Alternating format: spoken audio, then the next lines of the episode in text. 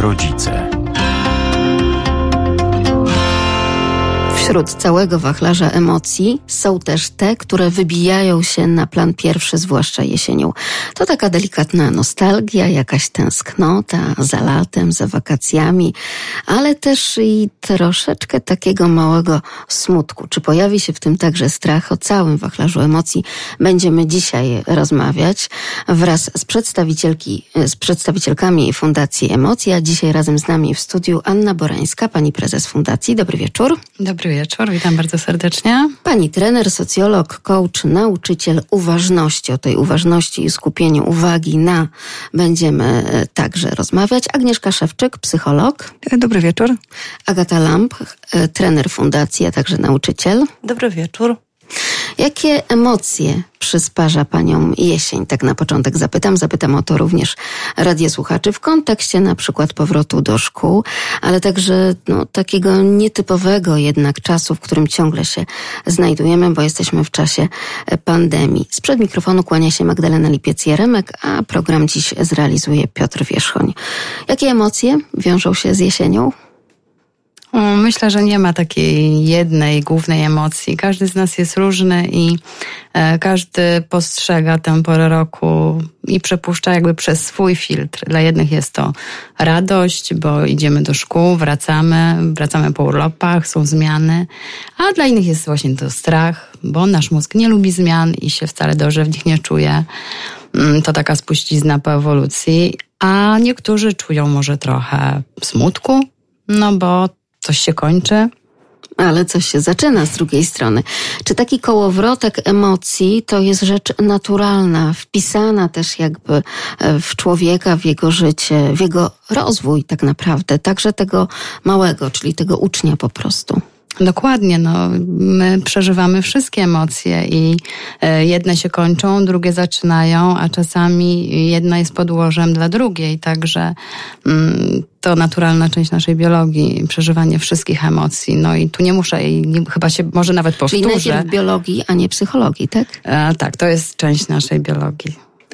Biologia jest bardzo ściśle powiązana z psychologią i e, też tutaj ja wtrącę, że, e, że no my też tutaj często e, na warsztatach posiłkujemy się taką wiedzą o mózgu, neurodydaktyką i psychologia też bardzo na tym bazuje, na, na badaniach naukowych i, i biologii.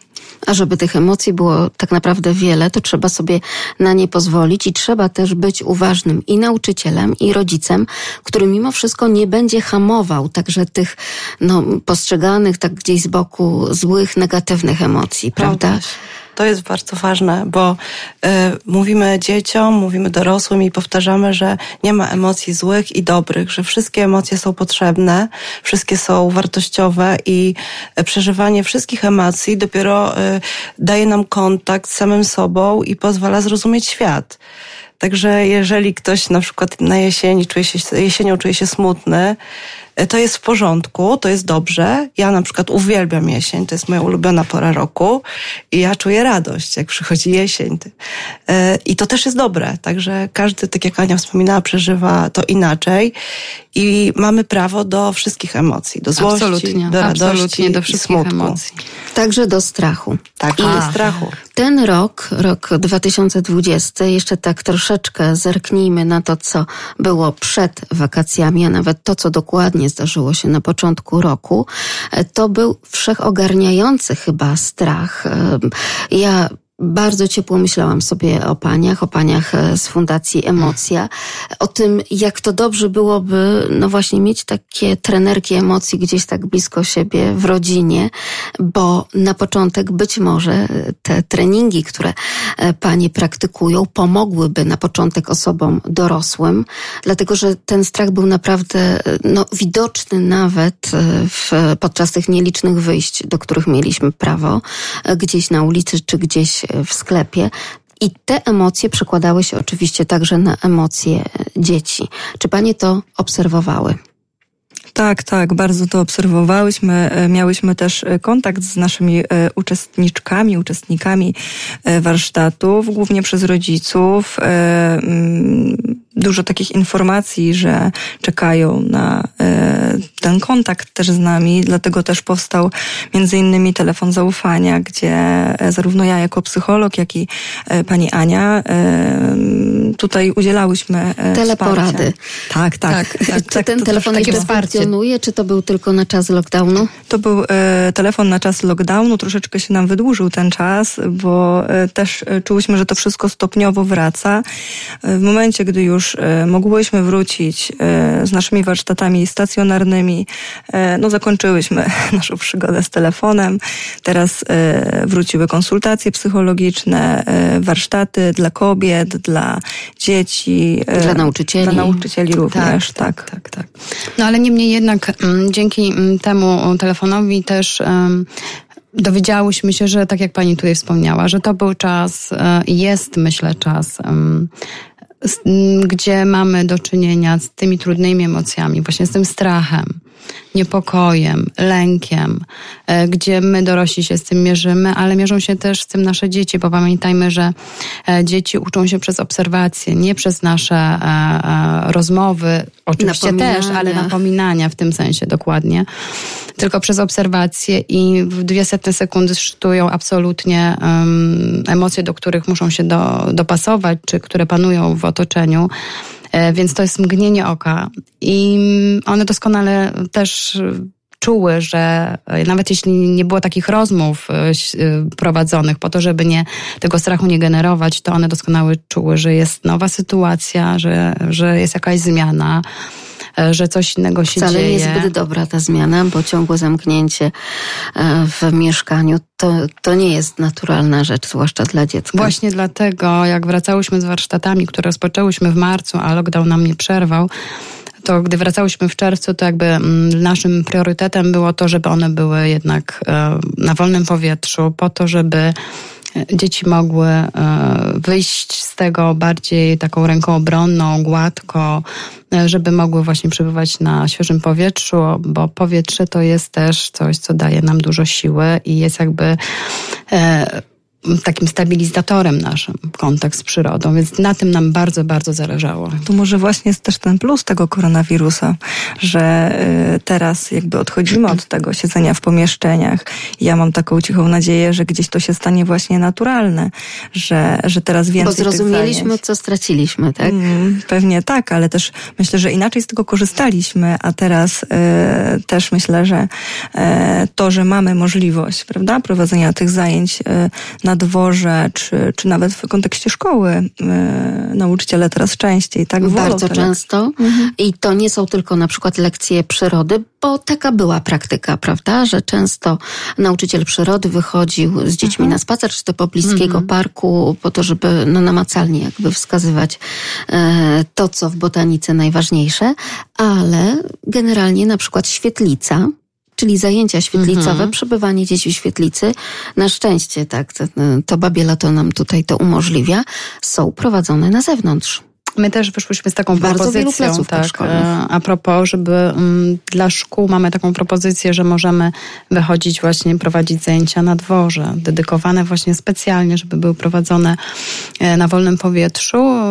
Wtedy zabier zabieramy klasę na dwie godziny takiej pracy z emocjami i taką edukacją też przyrodniczą i też taką edukację, która płynie z jak wielką siłą, siłą jest dla nas przyroda. E, i, i jak bardzo e, dobrze pomaga nam e, radzić sobie z trudnymi emocjami.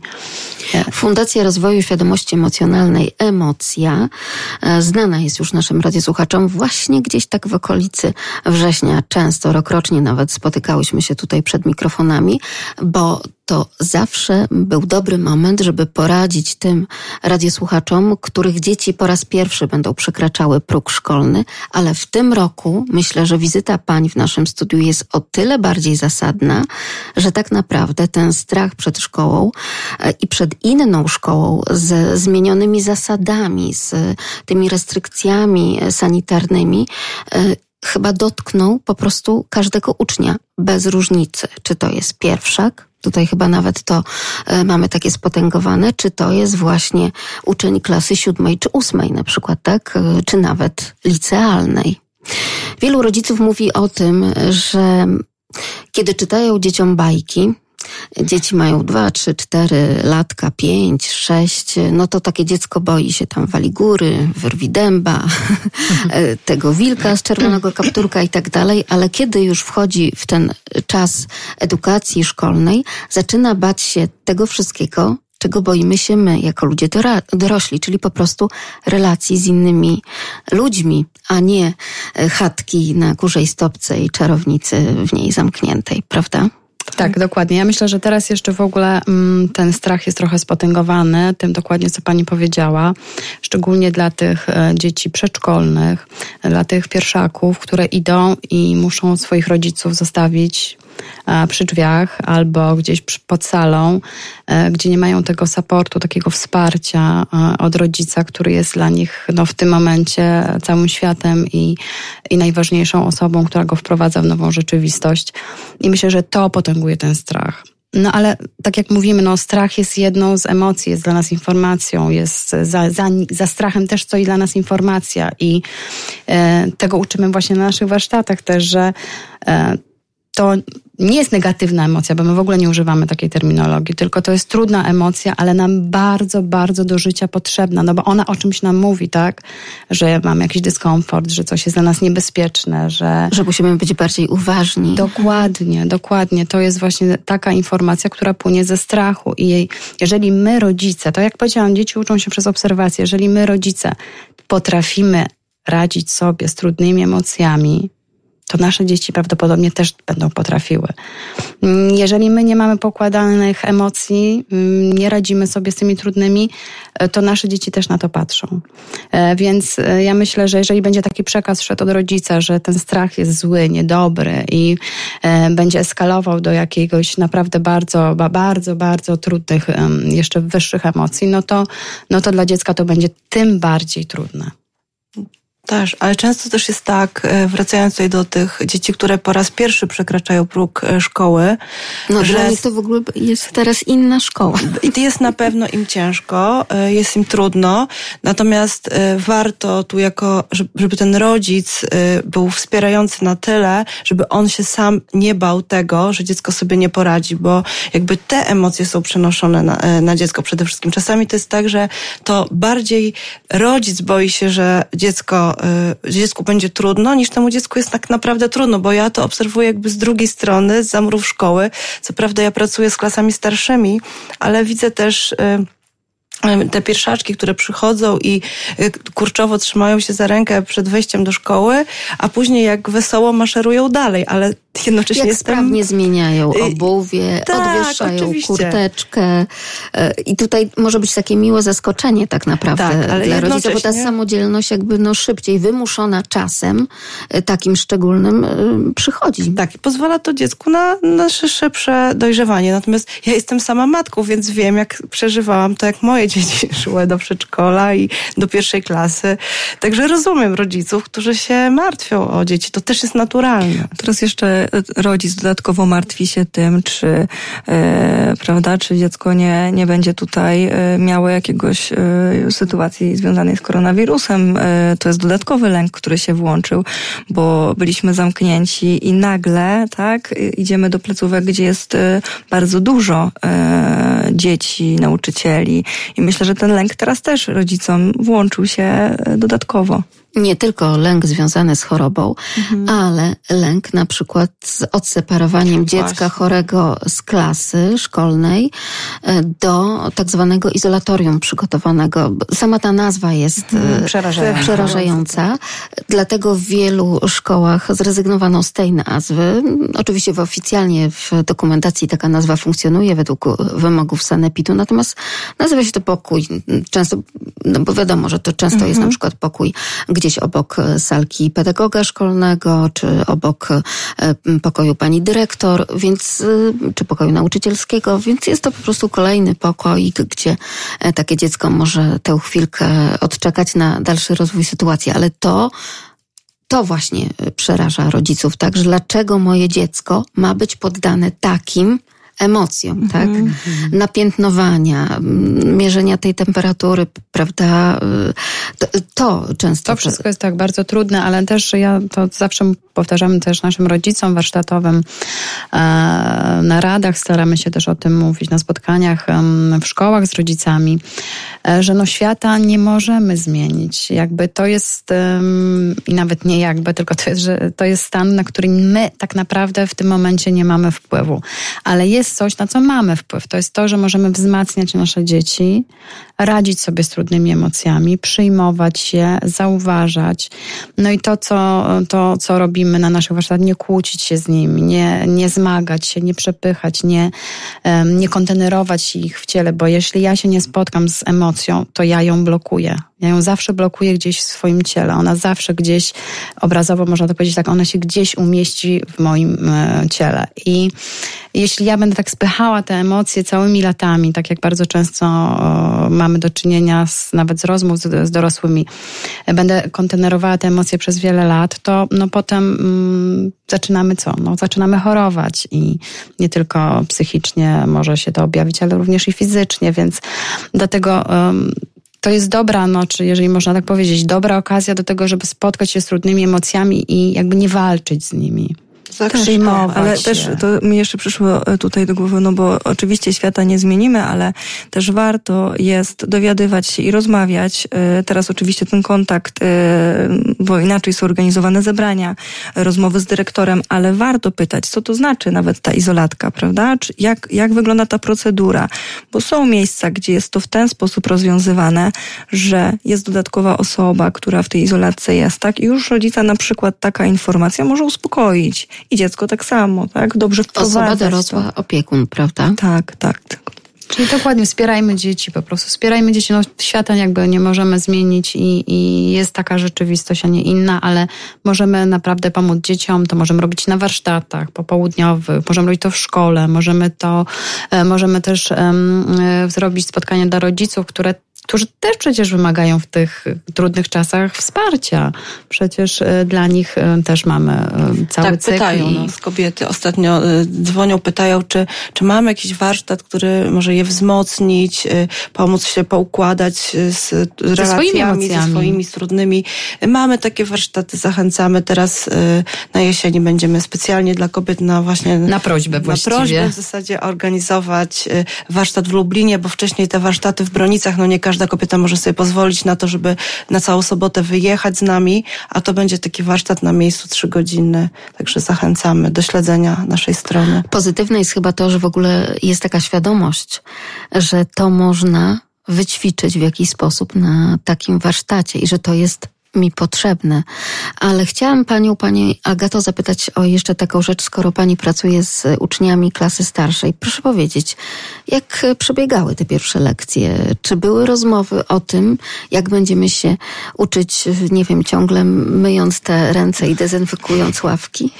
Tak, u nas w szkole na przykład, w tej szkole, w której ja pracuję, 29 w Lublinie, e, był nawet apel zorganizowany przez pana dyrektora, na którym poinformował, jak to, to nauczanie się będzie teraz odbywać.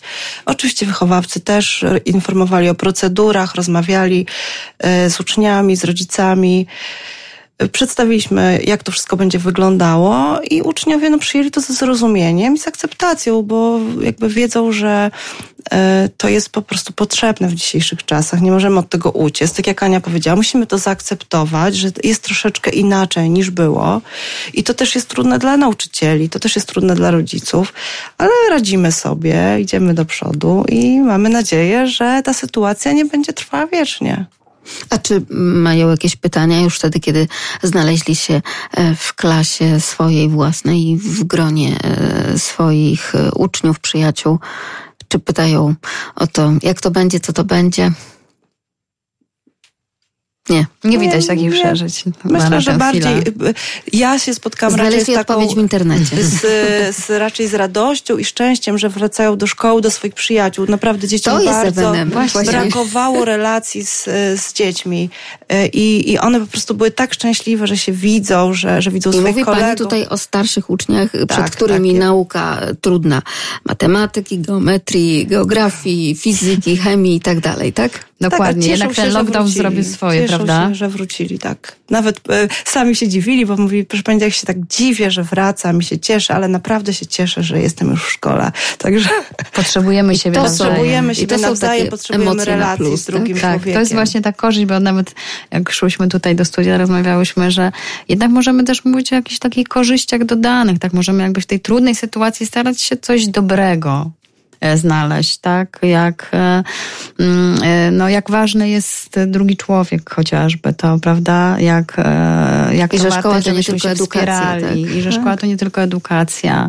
Ale właśnie dzieci w takim wieku, e, siódma, ósma klasa, to gdyby tak wejść w to, e, e, w rozwój tych dzieci, tak? No to tak, zadanie, dla nich to podstawa, tak, no, relacje społeczne. Zadanie, zadanie rozwojowe to nie jest nauka tak naprawdę matematyki czy geografii, tylko zadaniem rozwojowym jest no właśnie ten kontakt z rówieśnikiem. Tak, to, że jest dostosowanie się do Tak, różnych. tworzenie własnej tożsamości. A więc myślę, że to, jeżeli tego nie ma, do to... Do celu jakiegoś jednego, Przede wszystkim grupowanie się to Wokół jakiegoś celu na przykład, prawda? To jest dla nich teraz najważniejsze w zasadzie zadanie. Grupowanie i przegrupowywanie. Także są jakieś korzyści, tak? Że zauważyliśmy, że jak potrzebę tych kontaktów, jak to jest bardzo ważne e, i, i jak ważni jesteśmy dla siebie. Może nawet e, niektórzy zaczęli zauważać potrzeby, których do tej pory nie zauważali.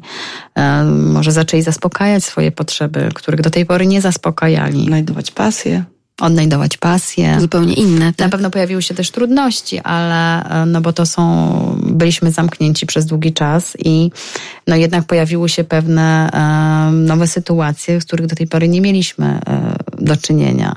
I być może pojawiło się wiele tarć. No to, to wiemy z telefonu zaufania, wiele tarć w relacjach w rodzinach. Mm, no ale to było naturalne, znaczy naturalne, no mogło się tak zdarzyć z racji nowej sytuacji ale myślę, że tak samo jak dużo było trudności, to myślę, że jest sporo korzyści, które płyną z tej sytuacji. Powiedziały Panie, że przede wszystkim kobiety, tak? Często być może matki. To one poprosiły o to, żeby jakieś szczególne warsztaty po tym wszystkim, co je spotkało, co spotyka i co przed nimi jeszcze, że takie rzeczy, takie warsztaty by im się z tych właśnie emocji mm, przydały. A czy rodzice zgłaszali się z taką prośbą, że tak, takie warsztaty dobrze by były, żeby były przeprowadzone na przykład dla ich dzieci. Czy teraz przed rozpoczęciem roku szkolnego, no tak dziwnego, czy, czy no w takiej też trudnej sytuacji tej pandemii? Hmm. Znaczy my już miałyśmy, nawet dostawałyśmy filmy, bo mm, jeden warsztat zaczęłyśmy dla dzieci i niestety nie skończyłyśmy go, więc y, to dla mnie było niesamowite. Jeden właśnie z filmów, który przysłała nam mama, gdzie y, właśnie jest spacer w lesie i tutaj słowa dziecka, że już się nie może doczekać, y, oddycha głęboko teraz przez ten czas, tak, tym powietrzem w lesie i, i, i czeka na nasze warsztaty. I, I rzeczywiście tak, miałyśmy bardzo dużo głosów, żeby, że już chcą wrócić wrócić. Dużo nowych rodzin też korzysta teraz. Teraz aktualnie robimy taki projekt Moje Szczęśliwe Dziecko i zauważyłyśmy, że też młodsze dzieci e, teraz są zapisywane na warsztaty. Nie tylko właśnie te szkolne, ale też gdzieś prośba od rodziców tych przedszkolnych, tak, żeby, żeby tutaj jakoś zadziałać z nimi. E, więc tak, czujemy to, słyszymy. E, od rodziców też wyszedł, wyszła prośba, żeby ich wzmocnić, żeby troszkę porozmawiać, w jaki sposób oni mogą bezpośrednio jako rodzice, tak, też w te kompetencje inteligencji emocjonalnej wzbogacić swoje dzieci dzieci, bo, bo też widzą tą potrzebę. Więc no my na razie widzimy e, no tak, takie duże zapotrzebowanie. Duże zapotrzebowanie, rodzice naprawdę zwracają się, pytają. Ci, którzy już e, do nas wracają, no to, no to bardzo się z tego cieszymy, ale jest naprawdę, tak jak Agnieszka mówi, dużo nowych dzieci, no i, i naprawdę mamy teraz sobotnią grupę takich naprawdę dzieci od e, wieku pięcio-sześciolatków, co jednak do tej pory y, nie było aż tak częste. Oczywiście jesteśmy w przedszkolach, ale to już jakby idziemy do, do grupy wtedy przedszkolnej. Ale tutaj widzę, że, że rodzice, no to jest cudowne oczywiście, widzą potrzebę tej edukacji emocjonalnej. Od najmłodszych. Od najmłodszych lat, a no, edukacja emocjonalna y, jest tak ściśle związana z poznawczą i ze społeczną, że tylko wychodząc od poziomu tej, tej właśnie inteligencji emocjonalnej, tego rozwoju emocjonalnego, możemy pójść dalej, możemy sprawić, że dzieci będą się chętniej uczyć, lepiej się uczyć, że będą zauważać swoje potrzeby, że będą lepiej zarządzać relacjami z drugim człowiekiem, co jest bardzo ważne potem w wieku nastoletnim, kiedy, kiedy wiadomo, mm, no, ta grupa rówieśnicza ma duże znaczenie, ale czasami może mieć też destrukcyjny wpływ, więc jeżeli dzieci potrafią zarządzać relacjami, no to też sobie w tych grupach rówieśniczych e, lepiej potrafią radzić. No i przede wszystkim będą bardziej empatyczne, a y, empatia, no to moim zdaniem jest to remedium na bolączki współczesnego świata. No, teraz empatia jest nam bardzo potrzebna i umiejętność rozpoznawania emocji drugiego człowieka. To wcale nie jest takie proste, jak nie, wiemy po, warsztat, po warsztatach naszych. Trudne. Ja bym powiedziała, że to przygotowanie tych dzieci w wieku przedszkolnym czy zerówkowym, tak, pięcio-sześciolatków, tak, tak. to jest tak naprawdę chyba najlepsza rzecz, jaką mogą rodzice zafundować dzieciom, bo często mówimy o tym, że no tak, moje dziecko już świetnie czyta, genialnie liczy, tak, już potrafi pisać, natomiast nie przystaje e, z tymi emocjami, po prostu nie umie sobie z nimi poradzić w grupie rówieśniczej i że na pewno z tymi starszakami, bo generalnie to może bym już się zdecydował, zdecydowała, żeby jako sześciolatek poszedł do tej pierwszej klasy, ale z dziećmi, które mają prawie 8 lat, tak, no bo z takimi spotka się w klasie, w tej samej klasie pierwszej, no po prostu sobie nie poradzi, a to go zahukają, a to, to czy No właśnie, dlatego tak? tą, tą edukację emocjonalną warto zaczynać od najmłodszych lat, bo to my dorośli wprowadzamy dzieci w ten świat emocji. I to my pokazujemy im, jak z nimi sobie radzić, ale nie tylko z tymi trudnymi, ale dajemy im prawo do radości, do entuzjazmu, bo bardzo często my dorośli mamy mm, hamulce. Takie hamulce w sensie, e, że nie pozwalamy dzieciom przeżywać e, trudnych emocji, ale bo sami sobie też często z nimi nie radzimy, ale też blokujemy przeżywanie tego entuzjazmu, radości. Bo jest za głośne na przykład. Bo jest na przykład dla nas, według nas za głośne, ale to też jest... potrzebę ruchu u dzieci, która jest naturalna. Dokładnie, dokładnie. No ale jak nie hamować potrzeby ruchu w klasie, hmm. kiedy pani coś tłumaczy, a ktoś właśnie ma teraz ochotę spacerować i Myślę, że właśnie skakać. to, o czym mówiłyśmy wcześniej, że to wyjście e, na dwór i właśnie e, wykorzystanie tego ruchu do tego, żeby się nauczyć pewnych rzeczy, e, jest potencjałem e, nasze, no mam nadzieję, naszego szkolnictwa i że się troszeczkę to może przeorganizuje w taki lepszy sposób. E, znaczy, nie mówię, że teraz jest bardzo złe, tak, ale na pewno jakby jest to e, duży potencjał, przód, tak.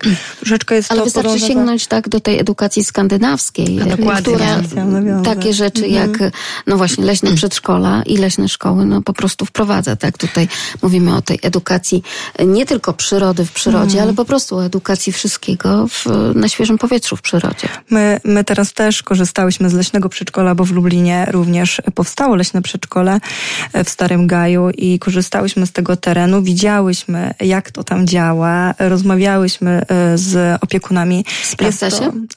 Moje dziecko tam chodzi i ja jestem bardzo zadowolona. To jest e, takie miejsce, gdzie, gdzie chcę iść po prostu, tak? I, e, i, i, i słyszę to, że e, nauka literek, nauka nowych rzeczy jest czymś naturalnym, tak? Nie jest tutaj jakąś trudnością, tylko jest to po prostu ciekawość tego. Więc no my mamy takie dobre doświadczenia i raczej też czujemy ten model, tak? O którym mówi Pani, bardzo ten skandynawski. Czujemy, tak. I, I fajnie by było, gdyby elementy elementy przynajmniej Właśnie. były jakieś przemycone, Przerywniki, prawda? tak naprawdę na każdym przedmiocie, nawet y, dla starszaków tak zwanych, można wprowadzić elementy ruchu, nawet przy nauce gramatyki.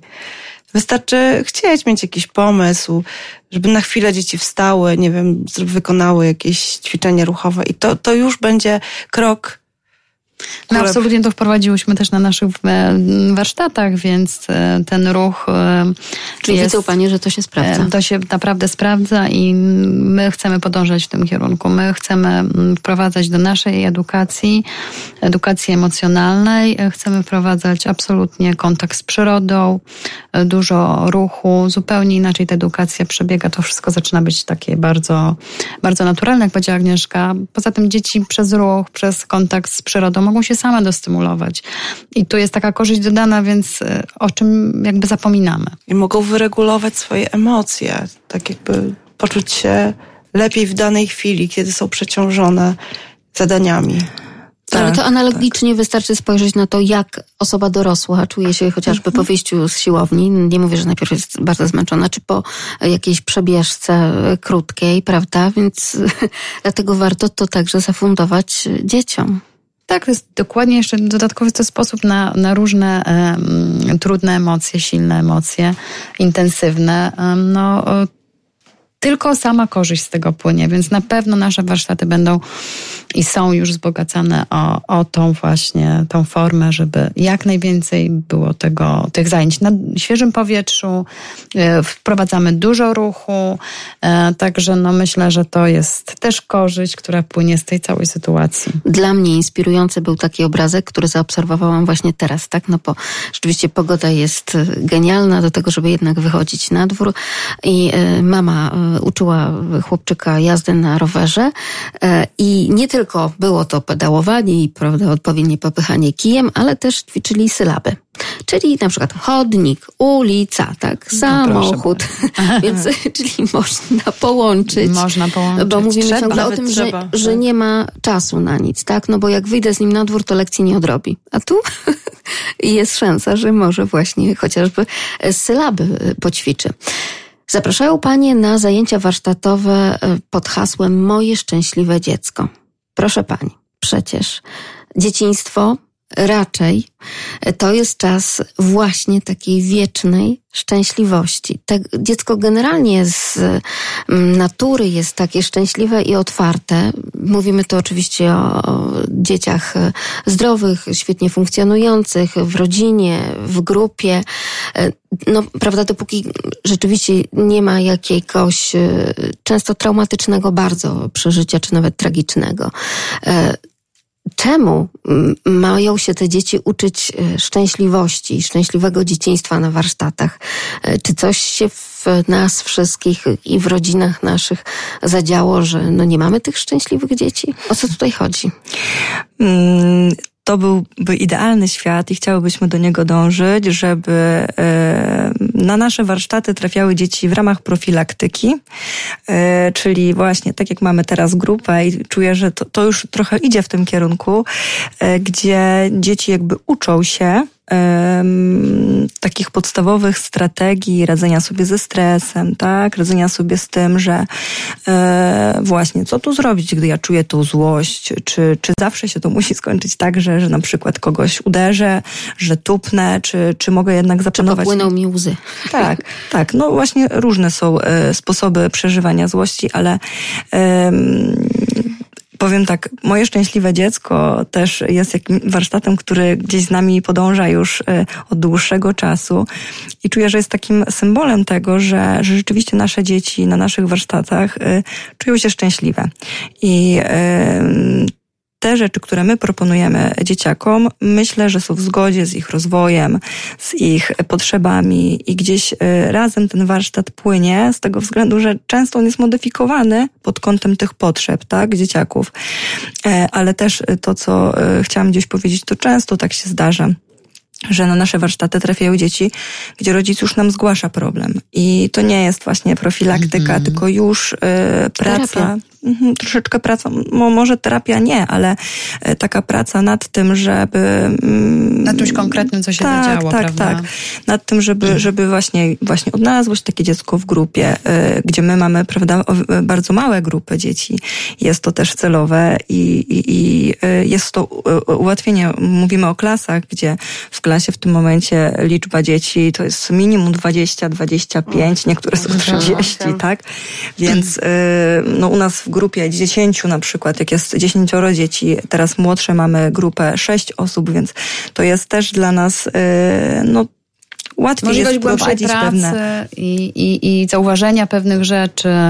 E, także no to, to jest jakby podstawa ty, tych, tych warsztatów, że one są prowadzone w małych grupach, to wtedy można mm, więcej zauważyć, można mm, więcej przekazać.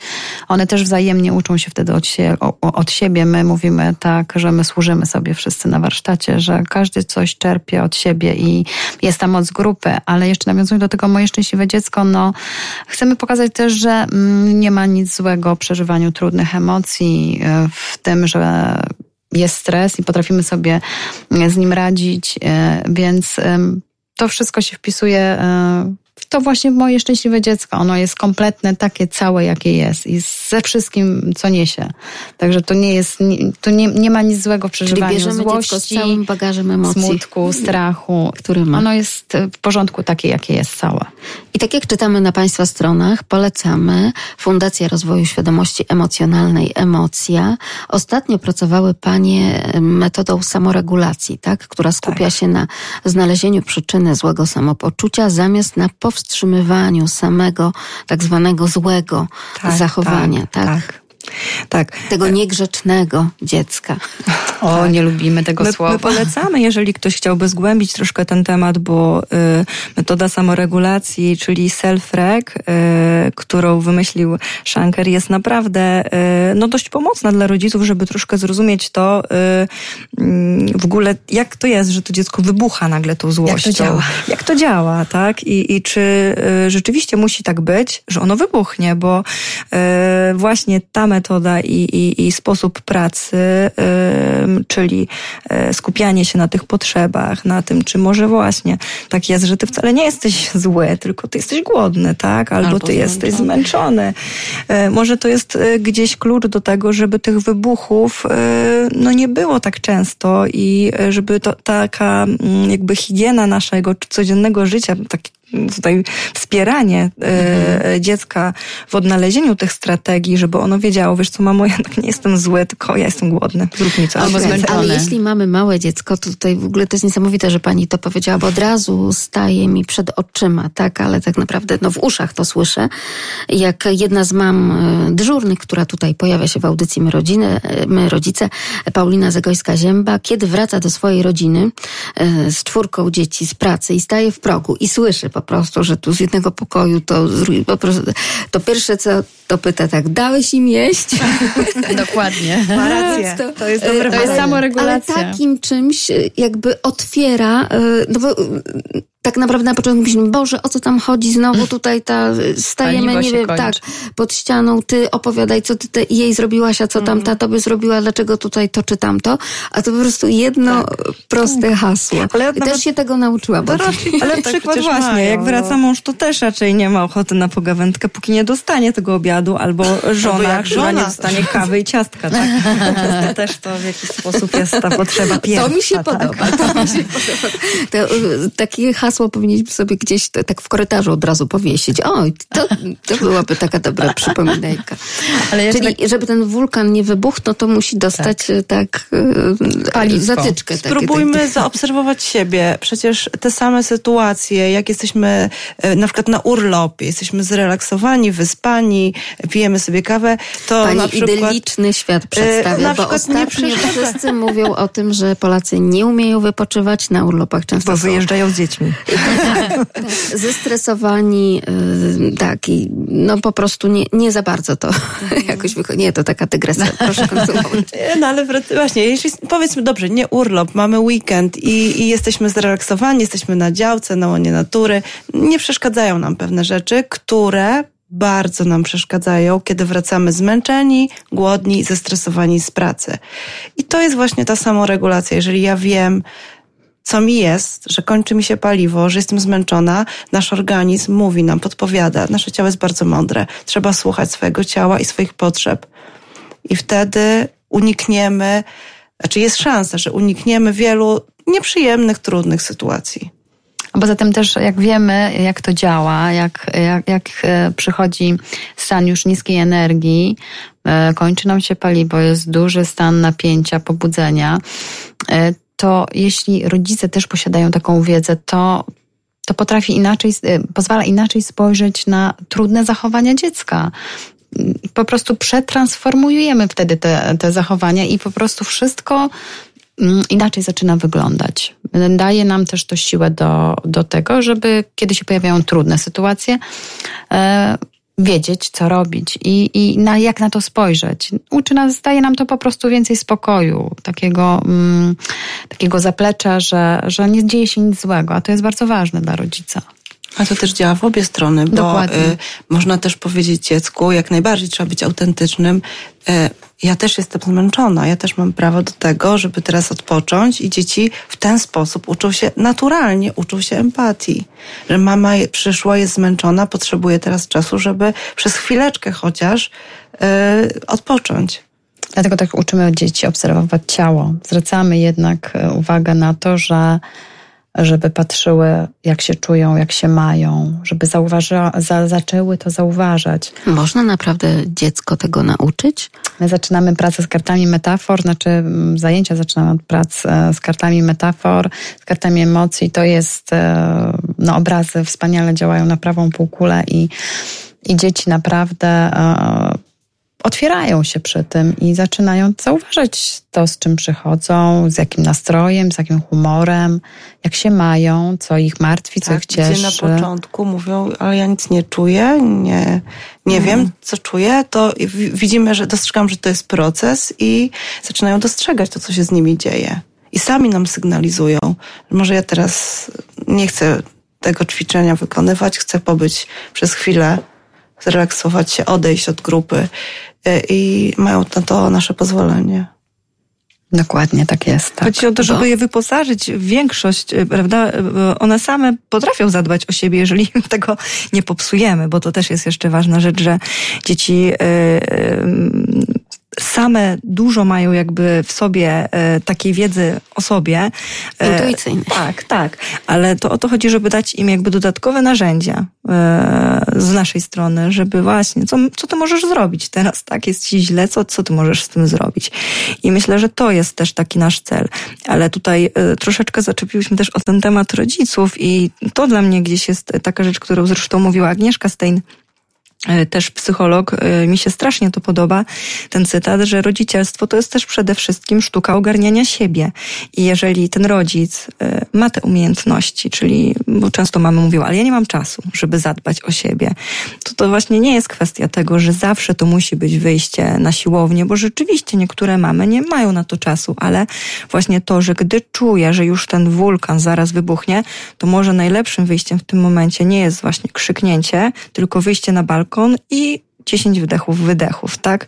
Czy lampka wina. Żeby też nie, żeby też nie przyjmować emocji dziecka, prawda? Oczywiście. Bo one nas jeszcze bardziej Nie pomożemy wtedy dziecku przeżyć emocji trudnej, jeżeli sami sobie nie, to wtedy nie to, to już jest po prostu katastrofa. Ja, tak. ja zawsze opowiadam tak, tą anegdotę z samolotem, że kiedy lecimy samolotem i jest zagrożenie życia, to najpierw maska tlenowa dla rodzica, a później dla dziecka. Musimy sobie Żeby pomóc, pomóc dziecku, musimy sami pomóc sobie na początku. I dlatego tak sobie myślę, że to właśnie my dorośli na początek niekoniecznie wiemy i zdajemy sobie sprawę z tego, jak funkcjonuje nasze ciało, a panie mi tutaj mówią, że e, jesteście w stanie no, nauczyć, wskazać dzieciom, że, że to one mogą też no, poznać e, swoje te wszystkie odruchy i to, dlaczego jest tak, a nie inaczej. Mm. Ale y, też często mówimy na warsztatach, że i, i, też tak kończymy zresztą warsztaty, że dostają rodzice od nas y, taką pogadankę, y, pre, czy w formie prezentacji, czy w formie rozmów z nami y, to są informacje zwrotne o dziecku, ale też informacje o takich kompetencjach rodzica, prawda? Co oni mogą dla siebie zrobić. I e, to, co tutaj jeszcze e, się pojawiło e, z Pani strony odnośnie mm, tego, czy my jako rodzice e, potrafimy obserwować e, swoje ciało, no my mamy tą e, trudność, dlatego, bo troszkę jesteśmy jeszcze takim pokoleniem, które no nie było tego uczone. Znaczy było w uczone. ogóle nie było czegoś takiego jak ta nauka tak, Emocje tak, były nieważne. Ale wręcz były wypierane, było tak, mówione nie, nie no masz się, tak, nie złość się. Złość piękności szkodzi. Tak. No generalnie to uczono nas w szkole no, takiego sztafarzu, nakładania takiej maski obojętności, prawda, na, i hamowania. Nawet z radością bo co się tak śmiejesz, nie tak, pozwalano się tak, śmiać, bo to było jakieś, tak. nie chichol się, także Uspokój jesteśmy tym pokoleniem, gdzie wychowywało nas rodzice, gdzie teraz my jesteśmy rodzicami, e, gdzie panował mm, e, taki e, model, w którym emocje nie miały kompletnie znaczenia, były spychane na dalszy plan i nie uczono nas przeżywać, nazywać, odczytywać informacje, szukać korelacji z ciałem. No nie byliśmy tego uczeni.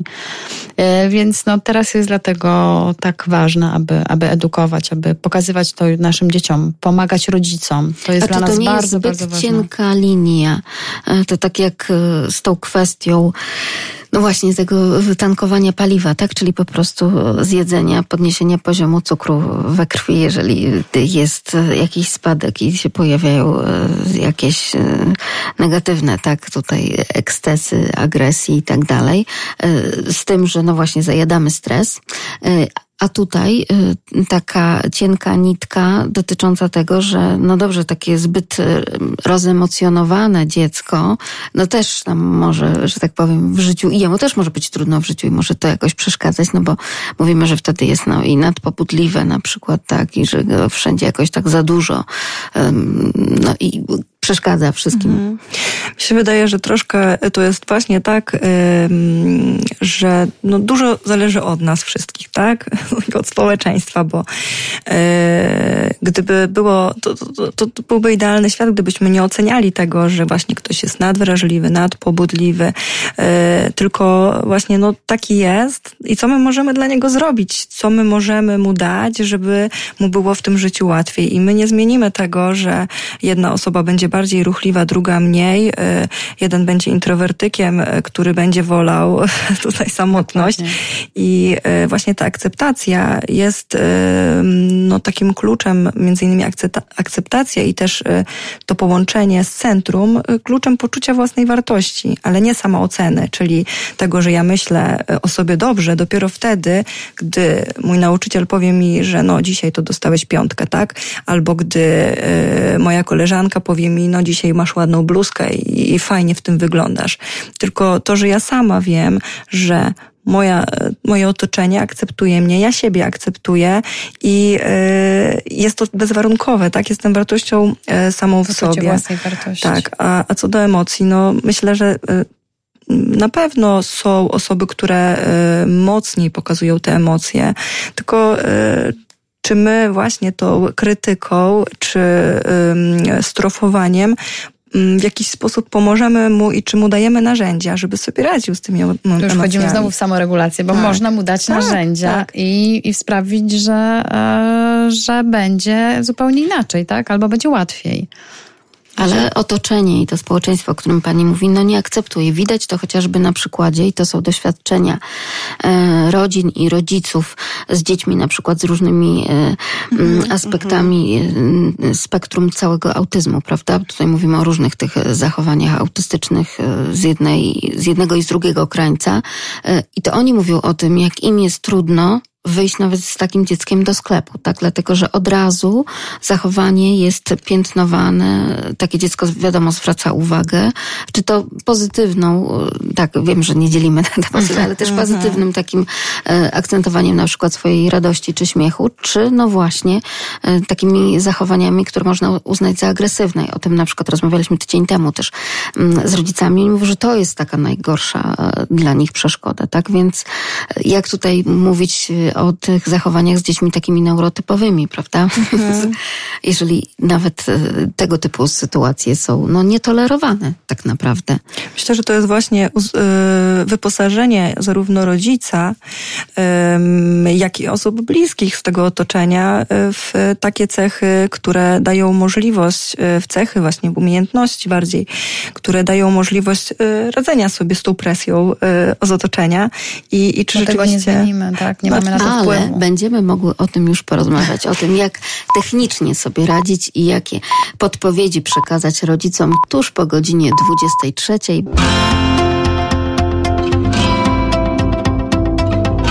My, rodzice.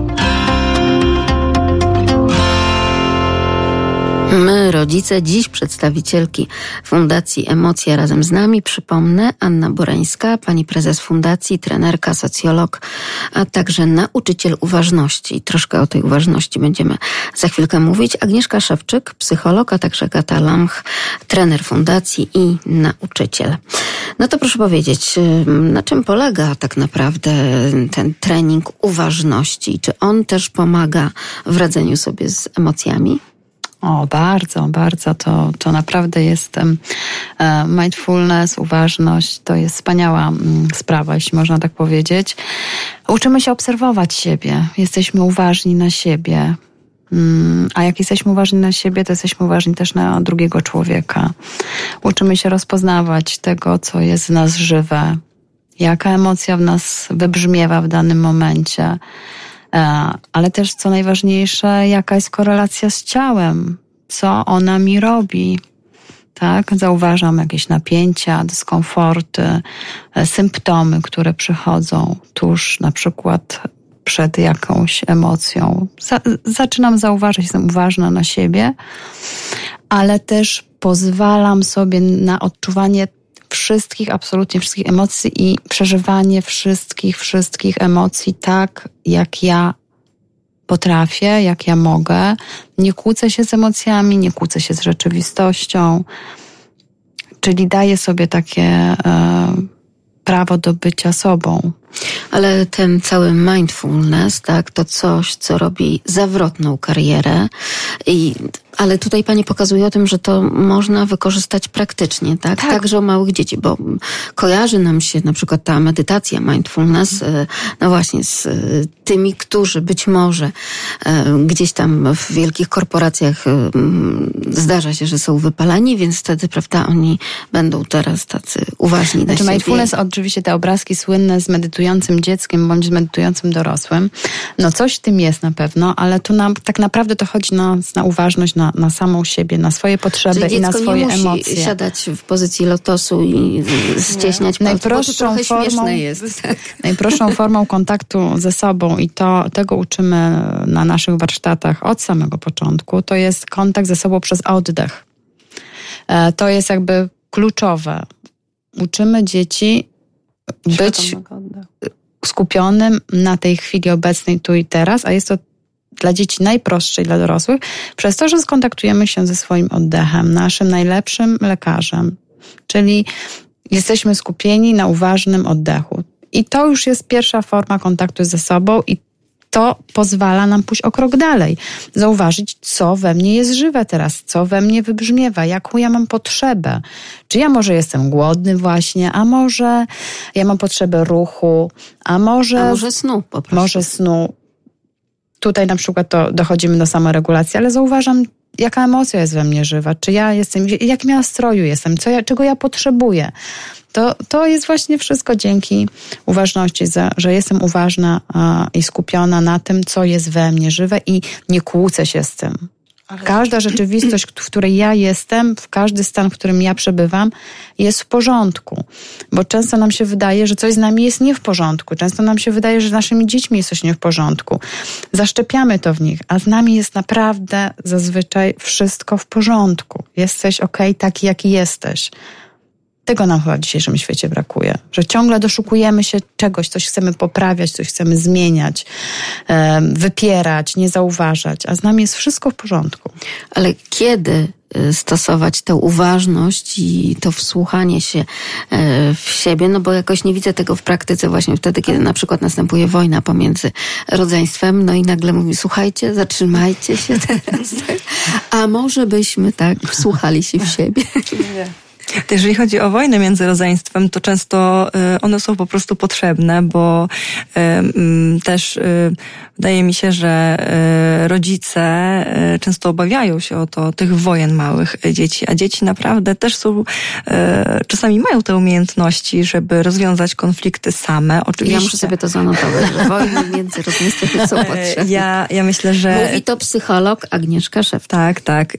Ja też mam dzieci, więc wiem, ma, widziałam już różne wojny i, i, y, i uważam, że rol, rolą rodzica, rolą w ogóle osoby dorosłej jest y, gdzieś bycie obok i bycie w tym konflikcie jako trochę mediator, a nie jako sędzia. I to jest też y, często taka rzecz, która, o której zapominamy, bo mediator bardziej nazywa to, co się dzieje, czyli właśnie o, widzę, że to cię rozzłościło, tak? Albo e, słyszę, że tobie znowuż jest z tym źle. A e, często nazwanie tego, co się stało. Wystarcza, żeby ten konflikt okazał się, no, że, że go nie ma już, tak? I że to była tylko jakby moment, chwila jakiejś, jakiejś złości, która musiała wybrzmieć i wybrzmieć w taki sposób, że ktoś ją nazwie. E, czasem oczywiście nie mówię, e, też siadanie e, w takich śmiesznych pozycjach, co tutaj pani opowiada, to my też to praktykujemy, bo e, siadanie i na przykład nasze poczucie i uważność na to, że siedzimy, dotykamy nogami podłoża, to też jest taka łączność z naszym centrum i przy starszych dzieciach praktykujemy takie rodzaje medytacji i przy dorosłych osobach również. Więc na przykład jest cały program Spokój i Uważność Żabki, który jest dostępny za darmo na YouTubie, część tych elementów uważnościowych. Wiele rodziców z niego korzysta, na przykład przed snem, żeby wyciszyć dzieci, żeby właśnie tak y, troszeczkę wchodziły w sen spokojniej, y, pooddychały. Y, oddech też, z oddechem mi się kojarzy tutaj anegdotka pani Agaty, to może opowiesz Agata. To... Opowiadaj, to jest nasza wspólna Tak, bo mieliśmy tutaj też jednego uczestnika warsztatów, Mm, nie wiem ile miał lat. Yy, siedem, teraz ma tak. siedem. Który wysłał, y, wysłał rysunek, chyba Agata wolę, żebyś ty to opowiedziała, Dobrze, bo ja nie pamiętam szczegółów. On był uczestnikiem naszych warsztatów jeszcze przed pandemią y, i y, w czasie pandemii dostaliśmy taki rysunek, ja dostałam MMS od jego mamy, gdzie narysowany był chłopiec, który się złości, miał symbolizować jego, a z tyłu za chłopcem stał taki piękny anioł, który podpowiadał mu oddychaj, oddychaj. To nawet chyba zamieściłyśmy ten rysunek tak, na, na tak, naszym Facebooku. Tak, za zgodą, tak? Za zgodą, tak, autora. Tak, tak, tak, tutaj była zgoda. Y, natomiast jeszcze z, z, tą, z tą uważnością, to mi się kojarzy, że czasami y, ktoś może pomyśleć, że uważność to jest coś tak bardzo skomplikowanego, tak. a tu chodzi o dostrzeganie świata takim jest, czyli o uważne jedzenie, że skupiam się na zapachu potrawy, na, na tym, jak ona wygląda, smakuje każdy kęs.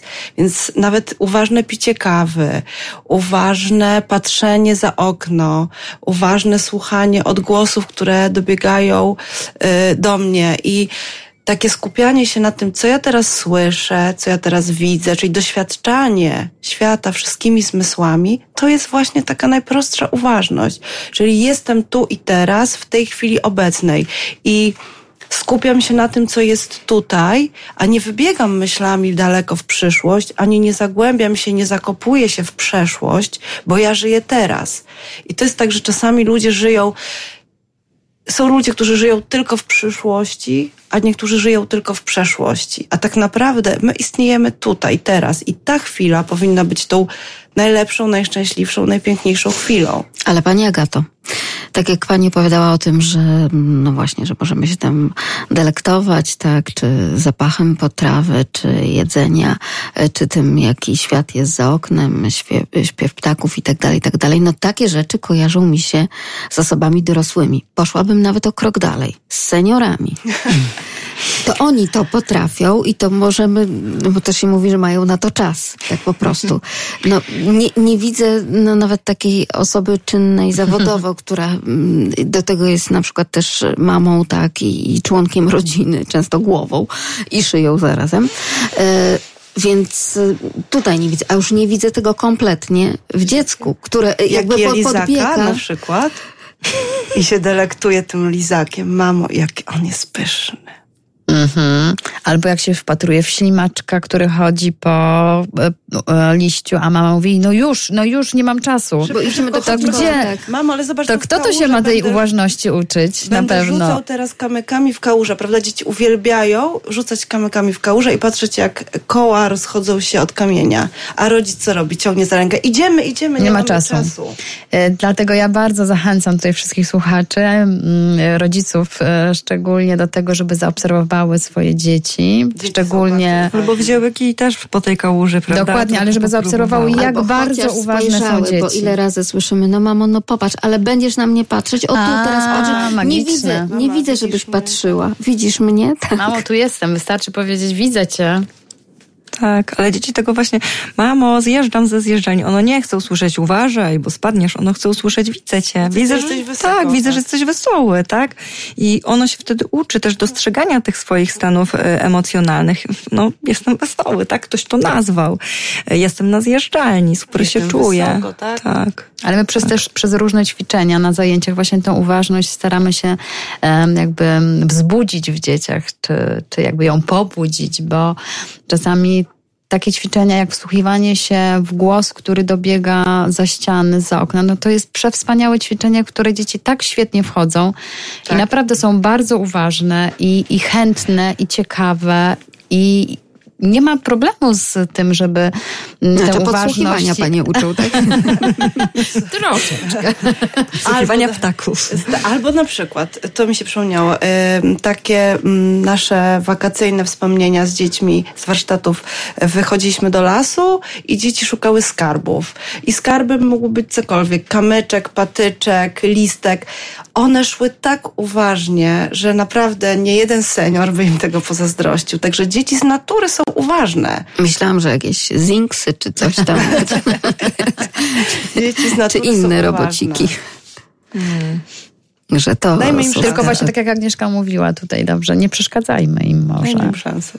To one naprawdę mają to w sobie i poobserwujmy, zobaczmy, uczmy przez krótkie ćwiczenia właśnie, tak jak mówię, obserwacja, e, obserwacja, na przykład zadanie dla rodziców i dzieci, na przykład po warsztatach, obserwujemy drogę e, do z, z domu do szkoły, czy odwrotnie. No jak Kto to znajdzie zrobić? dużo szczegółów, jak ten listek, jak e, mijamy e, jaką, Ale tutaj drzewo, pani mówi o spacerze, kałuża. czyli znowu o Nie, nawet jak jedziemy tak- samochodem, można dużo rzeczy zaobserwować. Tak, I czy uczmy po prostu tego. To jest nauka, tak? Jest trening uważności, który się nazywa treningiem. Czyli y, zakładamy, że mamy w sobie wszystkie do tego jakby predyspozycje, żeby tą uważność rozwijać i no, trening uważności jest właśnie treningiem, że być może poszerzając swoją samoświadomość, czyli wchodzę w ten temat, e, dzięki ćwiczeniom go rozwijam, to on trochę ze mną potem już zostaje. I tak samo jest z dziećmi. Jak im pokażemy, wskażemy, jak wejdą w tę sytuację przez ćwiczenia, to pewnie to z nimi zostanie. Takie proste ćwiczenia, na przykład y, możemy się bawić, y, co, co się zmieniło w tym pokoju, przestawiać rzeczy, jedziemy samochodem, y, czy zauważasz coś zielonego, czerwonego, czy zauważyłeś psa po drodze, jakieś zwierzątko i tak dalej, i tak dalej, i tak dalej. Sposobów jest, jakby pomysłów jest tyle i, i ćwiczeń jest tyle, ile pomysłów, może tak. Ćwiczeń jest Bawimy się też oddechem bardzo często. Wystarczy położyć maskotkę na brzuchu. Dzieci naprawdę bardzo o, takie no, bardzo dobre kilka minut mają potrafią spędzić oddychając tą zabaweczką na brzuchu i to są naprawdę małe dzieciaczki, to są czterolatki, które, które już wchodzą w ten świat oddechu. No, to jest właśnie takie ćwiczenie. Takie możemy... Uważne przenoszenie rzeczy, na co rodzice, no ja rozumiem, bo też jestem rodzicem, nie za bardzo się chcą zgodzić, że dziecko ma przenieść na przykład szklankę czy filiżankę z y, napojem na drugi koniec kuchni, tak? Ale to też jest ćwiczenie uważności. Jeżeli dziecko nalewa sobie samo sok i, i przenosi szklankę. To jest takie, wydaje mi się, że no, uważność jest bardzo naturalna. To, to, to, co się dorabia teraz do uważności, to, Dokładnie. to, to jest marketing, ale y, myślę, że uważność sama w sobie jest czymś bardzo naturalnym i tak samo jak tutaj y, Ania wcześniej wspomniała o potrzebach i uważności na własne potrzeby. Gdybyśmy my y, sięgali po te zasoby takie właśnie, że mamy małe dzieci, jesteśmy zmęczone, już mamy wszystkiego dosyć, nie mamy tych podstawowych potrzeb zaspokojonych i widzimy, że potrzebujemy pomocy i możemy o nią poprosić kogoś z otoczenia. I w tym czasie, gdy prosimy o tą pomoc, idziemy spać, a nie sprzątamy czy prasujemy, tylko po prostu kładziemy się spać, bo to jest teraz ta rzecz, której najbardziej potrzebuję. To myślę, że później nie byłoby em, tyle jakiejś takiej frustracji, złości, przy, Nerwów. nerwów przy przygotowaniu kolacji, przy, przy, przy, przy dalszym byciu, byciu z dzieckiem, tak? Więc y, to, to, ta uważność na potrzeby i na to, co, czego tak naprawdę teraz, w pierwszej kolejności, co ja muszę sobie zafundować. To, ja muszę sobie dać. Tak, tak. Zapewnić. Żeby... Ale często sobie i dziecku, prawda? Tak, tak. Bardzo wielu rodziców nie zdaje sobie sprawy, że ten sen jest rzeczywiście Stawa. ważny. To jest niesamowite, jak teraz w tym współczesnym świecie zapomnieliśmy o tym, ile godzin de facto potrzebuje na przykład małe dziecko tego snu, mhm. nieprzerwanego snu. Nie mówię tutaj o tym, prawda, mhm. zrywaniu, wiadomo, na zajęcia szkolne czy przedszkolne, tylko o tym, jak bardzo przesuwa się granica e, położenia dziecka spać, prawda? No tak, trochę jest taki pokus dookoła. Mi się wydaje, że to, to mm, korzystanie z smartfonów, e, że dzieci do ostatnich chwil oglądają bajki, mm, no może niektóre nawet e, grają na różnych, w różne tam gry. E, to sprawia, że te dzieci nie potrafią zasnąć. Niebieskie światło bardzo pobudza mózg i one po prostu nie potrafią sobie z tym poradzić. Są pobudzone, długo nie mogą zasnąć. Myślę, Mówimy że to... tutaj o takiej higienie po prostu tak, też i, odpoczynku. I, i wtedy i ten sen jest inny, on jest płytszy, on jest zaburzony. Dzieci mają trudności z, z zaśnięciem. E, no i tutaj no, po prostu samoświadomość rodziców, znaczy świadomość w ogóle, nie tylko samoświadomość też, ale i świadomość e, tego tematu jest bardzo ważna, że sen no, jest podstawą samoregulacji. Po prostu potrafimy, dzięki niemu się czujemy lepiej. A także o dziwo taka sytuacja, no, która wydawałaby się no, taką no, też jakby piękną sytuacją, tak? No bo ta więź bardzo często e, rodzica z dzieckiem, kiedy to razem śpią w jednym łóżku, tak? Czyli no, widzimy, że tutaj jakby ta potrzeba tych emocji, tego e, spokoju, bezpieczeństwa jest jak najbardziej zapewniona, ale no właśnie, nawet przy takiej kwestii, że taki rodzic e, ze względu na obowiązki zawodowe czy domowe wstaje na przykład wcześniej, tak? I też no, to powoduje, że ten współtowarzysz snu też się przebudza, tak? E, o, o wiele wcześniej. To, czasami uświadomienie rodzicom nawet takiej e, sytuacji, no może po prostu naprawić, e, no nawet tego typu relacje, prawda?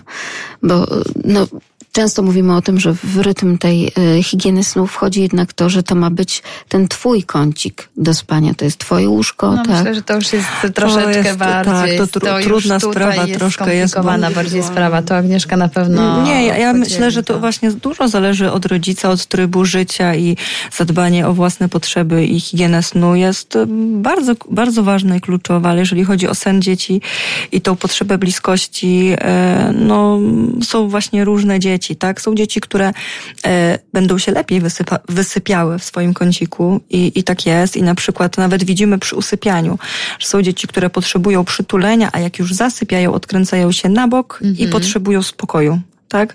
A są dzieci, które y, potrzebują do zaśnięcia, przytulenia się i nawet takie zostawi- nawet później, w późniejszym wieku potrzebują kontaktu, dotyku, Pogłasz zapachu. mnie, jeszcze mnie tak, dotknij, trzymania tak, za ręki tak, do ostatniej tak, chwili. Indywidualna i... Też, tak myślę, tutaj też się włączają czasami te lęki, e, o których wcześniej rozmawiałyśmy i um, też są te takie um, momenty um, rozwojowe, kiedy tych lęków jest troszeczkę więcej. E, teraz jest też taki czas, gdzie tych lęków na pewno jest więcej, bo mm, no, sytuacja Lęków jest taka, jaka jaka jest. Tak. I, y, I myślę, że tutaj też, y, jeżeli chodzi o sen i tą bliskość, to jest, y, no, Tru, trudne jest jakby, dziecka. tak, to trudne jest jakby gdzieś mm, Jasno no, odmówienie tej potrzeby, tak? tak? Ewentualnie w, w jakiś sposób y, y, też można zastępczo, prawda? Tutaj rozmawiać o tym, że no nie tylko jest mama, tylko jest też tata, tylko są też bliskie osoby y, w kręgu dziecka, bo to tak my się gdzieś przywiązaliśmy też do tej teorii, że mama jest y, tutaj najważniejsza dla dziecka, a tak wcale nie jest, bo dziecko wybiera sobie i z różnymi osobami tworzy te więzi i, i, i rzeczywiście wśród małp, to jest taka ciekawostka, ta mama jest Y, takie największe przywiązanie jest ze strony małp na przykład, a już są książki, są publikacje, gdzie u ludzi tak to nie działa. I to y, jakby cały proces więzi i, i tworzenia się tego nie, nie, musi być skierowany tylko na matkę. To może być równie silna więź, y, status zastępczą mamą, tak? Przecież są dzieci adoptowane i one też potrafią więź stworzyć prawidłową z mamą adopcyjną, więc czy z tatą. Więc tutaj też szukanie tych strategii przez rodzica to jest ważne, żeby. Ale też nie przegapienie momentu. Kiedyś usłyszałam też mm, takie ważne zdanie od pani pedagog, że dobrze jest, a propos tej, tego ćwiczenia uważności, z uwagą rzeczywiście przyglądać się kolejnym etapom rozwoju dziecka, bo można przegapić ten moment. Tu chociażby, nie wiem, podajmy przykład e, ten, o którym tak e, bardzo i dużo i często na przykład rodzice na różnego rodzaju forach parentingowych piszą, czy na przykład odsmoczkowywania, odpieluchowywania, mhm. że można często przegapić ten moment i potem dziecko idzie po prostu w taką leniwą łatwiznę, tak? Bo y, może dać jakiś sygnał początkowy, a ro, rodzicowi się wydaje, że nie, to jeszcze nie. I tak jakby z każdym takim elementem rozwoju do kolejnego etapu dziecka. Tak jest i y, warto być uważnym, warto czerpać po tą wiedzę, którą, y, która jest teraz ogólnodostępna, y, ale myślę sobie, że, że też u każdego dziecka w różnym okresie są te skoki i są te granice, więc myślę, że ta osoba, co jest najbliżej dziecka, będzie najlepiej też to wiedziała. Tylko, że z drugiej strony potem jest z każdym rokiem trudniej. Bardzo często w tych różnych sytuacjach, no prawda? Dlatego warto być uważnym na potrzeby, warto przyglądać się swoim potrzebom, potrzebom dziecka. My zawsze mm, e, mówimy, że podążamy za dziećmi, że patrzmy na potrzeby, patrzmy, co jest w tym momencie ważne, co jest żywe. Mm, to jest właśnie teraz, ja skończyłam metodę Kids Skills, e, opartą, to jest e, opartą o terapię skoncentrowaną na rozwiązaniu, gdzie wspólnie z rodzicem, w wypadku, gdy rodzic zgłasza jakąś potrzebę pomocy e, w jakiejś sprawie dziecku, um, szukamy jego zasobów do tego, żeby rozwiązać ten problem, nie koncentrując się na problemie. Czyli szukamy jego zasobów, jego umiejętności e, do tego, aby rozwiązać dany problem. I to jest też fajne, że że możemy też na różne sprawy e, w różnym wieku popatrzeć zupełnie inaczej i jednak wciąż e, oscylujemy w, w, ramach tego, że dziecko ma moc do tego, żeby rozwiązać swoje problemy. Jeśli nie skupiamy się li tylko na problemie, tylko na umiejętnościach, które ma zdobyć do tego, żeby dany problem e, rozwiązać. To jest taki przykład nawet, że jedziemy samochodem i nagle y, przed nami zwali się wielkie drzewo. To y, teraz tak, mamy do wyboru albo się siłować z tym drzewem i próbować je podnieść, albo spróbować dowiedzieć się, czy może jest jakaś inna droga, żeby dotrzeć do celu, tak? I ominąć. Nie musimy to się siłować, tak? Może poszukajmy innej strategii, która nam pomoże poradzić sobie E, z dojściem do celu, niekoniecznie przeskakując przez tą konkretną przeszkodę. Mówi się o tym, e, że wrzesień to bardzo trudny czas, jeśli chodzi o naukę teraz e, dla dzieci w szkole. Po tej przerwie bardzo wiele braków e, nauczyciele muszą wyrównywać. Jednak mimo wszystko mówimy tu o takich kwestiach typowo edukacyjnych, ale także i spustoszenie troszeczkę ten koronawirus z pewnością zrobił w tych relacjach, tak w, w tym, że dzieci tak długo były izolowane od siebie nawzajem i na przykład w takich relacjach klasowych w klasie pomiędzy uczniami muszą się uczyć siebie na nowo, prawda? Tak jak, nie wiem, muszą poćwiczyć tabliczkę mnożenia na nowo, czy y, pisanie literki F, która sprawia trudność, tak? No na pewno tro, po trosze te, mm, tak jest. My słyszymy od rodziców, którzy nam mówią, że dzieci naprawdę przeżywały ogromny stres, e, wracając do, mm, do szkoły, że zgłaszały, że boli ich brzuch, głowa, od, chciały odroczyć jakby te, ten moment wejścia. No bo przy tak długim okresie zamknięcia, gdzie, gdzie na początku w ogóle byliśmy zamknięci, nie mogliśmy wychodzić nawet na dwór, e, no więc, no, no jak mówię, no dzieci to w mgnieniu oka odczytują emocje i one doskonale wiedziały, że jest bardzo poważna sytuacja. Nie wspomnę o tym, że tak naprawdę no jednak e, gdzieś tym medium towarzyszącym były serwisy informacyjne. No dokładnie. Non-stop, tak, po całych Gdzieś dniach. te właśnie bombardowane e, informacje z każdej strony docierały e, przecież do nich tak samo, jak i do rodziców. Zresztą to widać było po tym, jak, to sami też. Jak szybko dzieci nauczyły się w ogóle samego słowa, tak koronawirus, no pandemia. Właśnie, jak to zostało z nimi tak w, na, w trwałym obiegu. E, I rodzice nam zgłaszali, że jest, rzeczywiście obserwują, że, że jest problem, że, że jest strach, że jest niepokój, że jest lęk. E, pewnie e, gdybyśmy porozmawiali z samymi uczniami, może e, starszych klas, może by nam mogli więcej jakby wielopłaszczyznowość te, tego pokazać, bo to pewnie chodzi o to, jak rozmawiałam z jedną mamą, że mm, jedno dziecko może mieć paniczny strach przed chorobą, przed tym, że zachoruje, że będzie odizolowane, przed całą tą nową sytuacją. Część będzie miała trudność z tym, że musi wejść w nowe relacje, że musi się spotkać na nowo z wieloma mm, osobami, do których, z którymi nie miała do tej pory kontaktu. I to są taka wielopłaszczyznowość tej, tej sytuacji wskazuje mm, no jakby na też potrzebę tutaj właśnie współpracy rodziców, nauczycieli, nas, takich organizacji, które mogą wesprzeć zarówno i dorosłych, jak i dzieci w tym, w tym trudnym okresie, on niewątpliwie jest, bo zgłaszają to nauczyciele, zgłaszają to uczniowie. E, rodzice przede wszystkim, e, z, z opowieści dzieci, z opowieści uczniów, że, że jest to dla nich trudne po prostu. Bardzo dobrze może wesprzeć y, nauczyciel takiego ucznia i taki zespół klasowy. My mamy nawet taką radę pedagogiczną, my mamy nawet taką radę pedagogiczną, budowanie relacji uczeń-nauczyciel w procesie edukacyjnym z elementami zdalnego nauczania, gdzie mówimy o tym, jak ważne są te relacje i jak pomóc dzieciom budować te prawidłowe relacje. To jest element, tak jak Ania wcześniej wspominała, inteligencji emocjonalnej, budowanie zdrowych relacji opartych na zaufaniu, na empatii, e, a, a nie relacji, które są toksyczne i raniące. I nam się wydaje, że ktoś, jest, jest jakaś osoba, która świetnie to robi, a druga, która robi to źle i tak już zostanie na wieki wieków. Amen. Ale tak nie jest. Budowania relacji z drugim człowiekiem też można się uczyć i na pewno tutaj wychowawca klasy czy nauczyciel może być taką osobą wspierającą, która poprowadzi tak zespół klasowy, żeby każdy odnalazł swoje miejsce w grupie. Tak wiele panie mówią o otwartości, o tym, żeby eksponować te emocje.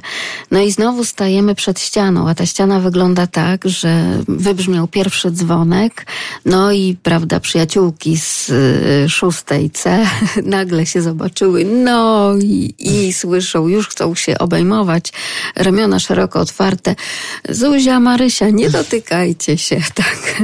No, no to jest rzeczywiście, no trudny jest ten świat. Jest to nienaturalne po prostu prostu. Jest to nienaturalne dla, e, e, dla potrzeb e, dzieci i, i bycia ze sobą.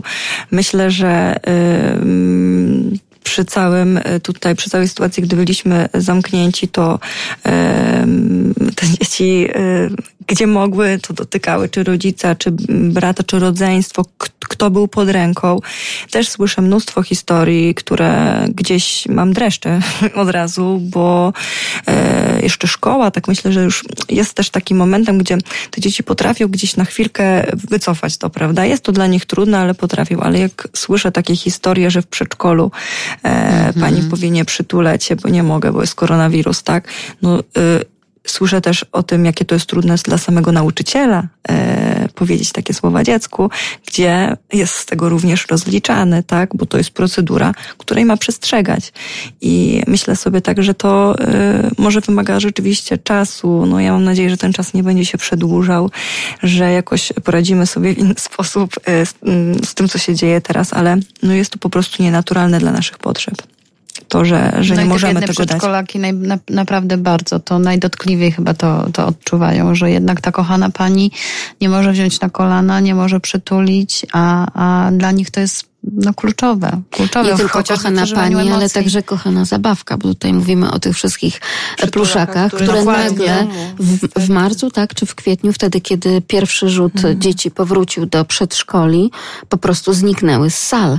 Zostały tylko twarde klocki, czyli takie zabawki, Chociaż które można... E, słyszałam ostatnio od e, jednej z pań nauczycielek taką historię, że są takie elementy, których e, nie można dezynfekować i procedura jest w ten sposób, że jak jedna grupa przestaje się tym bawić, czyli powiedzmy jakieś puzzle piankowe, tak, to zostawia karteczkę, kiedy było użytkowane i kolejna grupa może po 24 godzinach już to spokojnie dotykać bez dezynfekcji.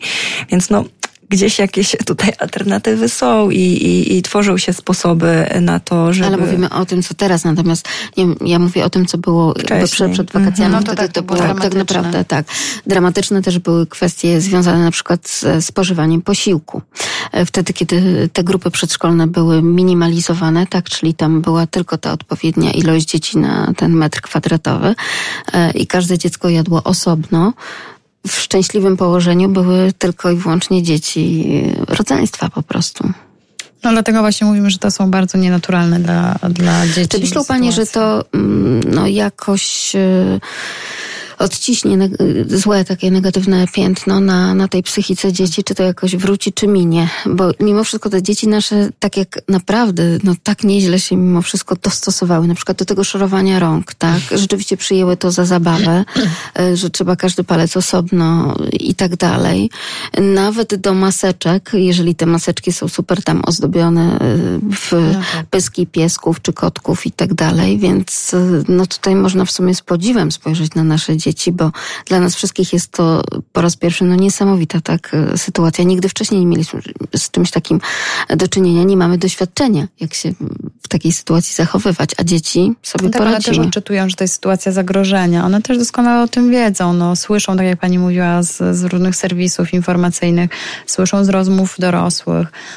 No, jesteśmy w, postawieni w sytuacji zagrożenia. Nasz mózg gadzi, po prostu nas zaczyna w tym momencie troszeczkę zalewać takimi hormonami stresu, kortyzolem, adrenaliną, mm, neuroprzekaźnikami, więc no, y, w sytuacji strachu i stresu, no, dzieci też łatwiej poddają się e, różnym e, nakazom związanym z tą sytuacją, no bo to jest dla nich bardzo, bardzo trudna sytuacja. One są jakby w sytuacji zagrożenia, zagrożenia swojego życia, więc Ja, ja, dlatego też się tak poddają łatwiej.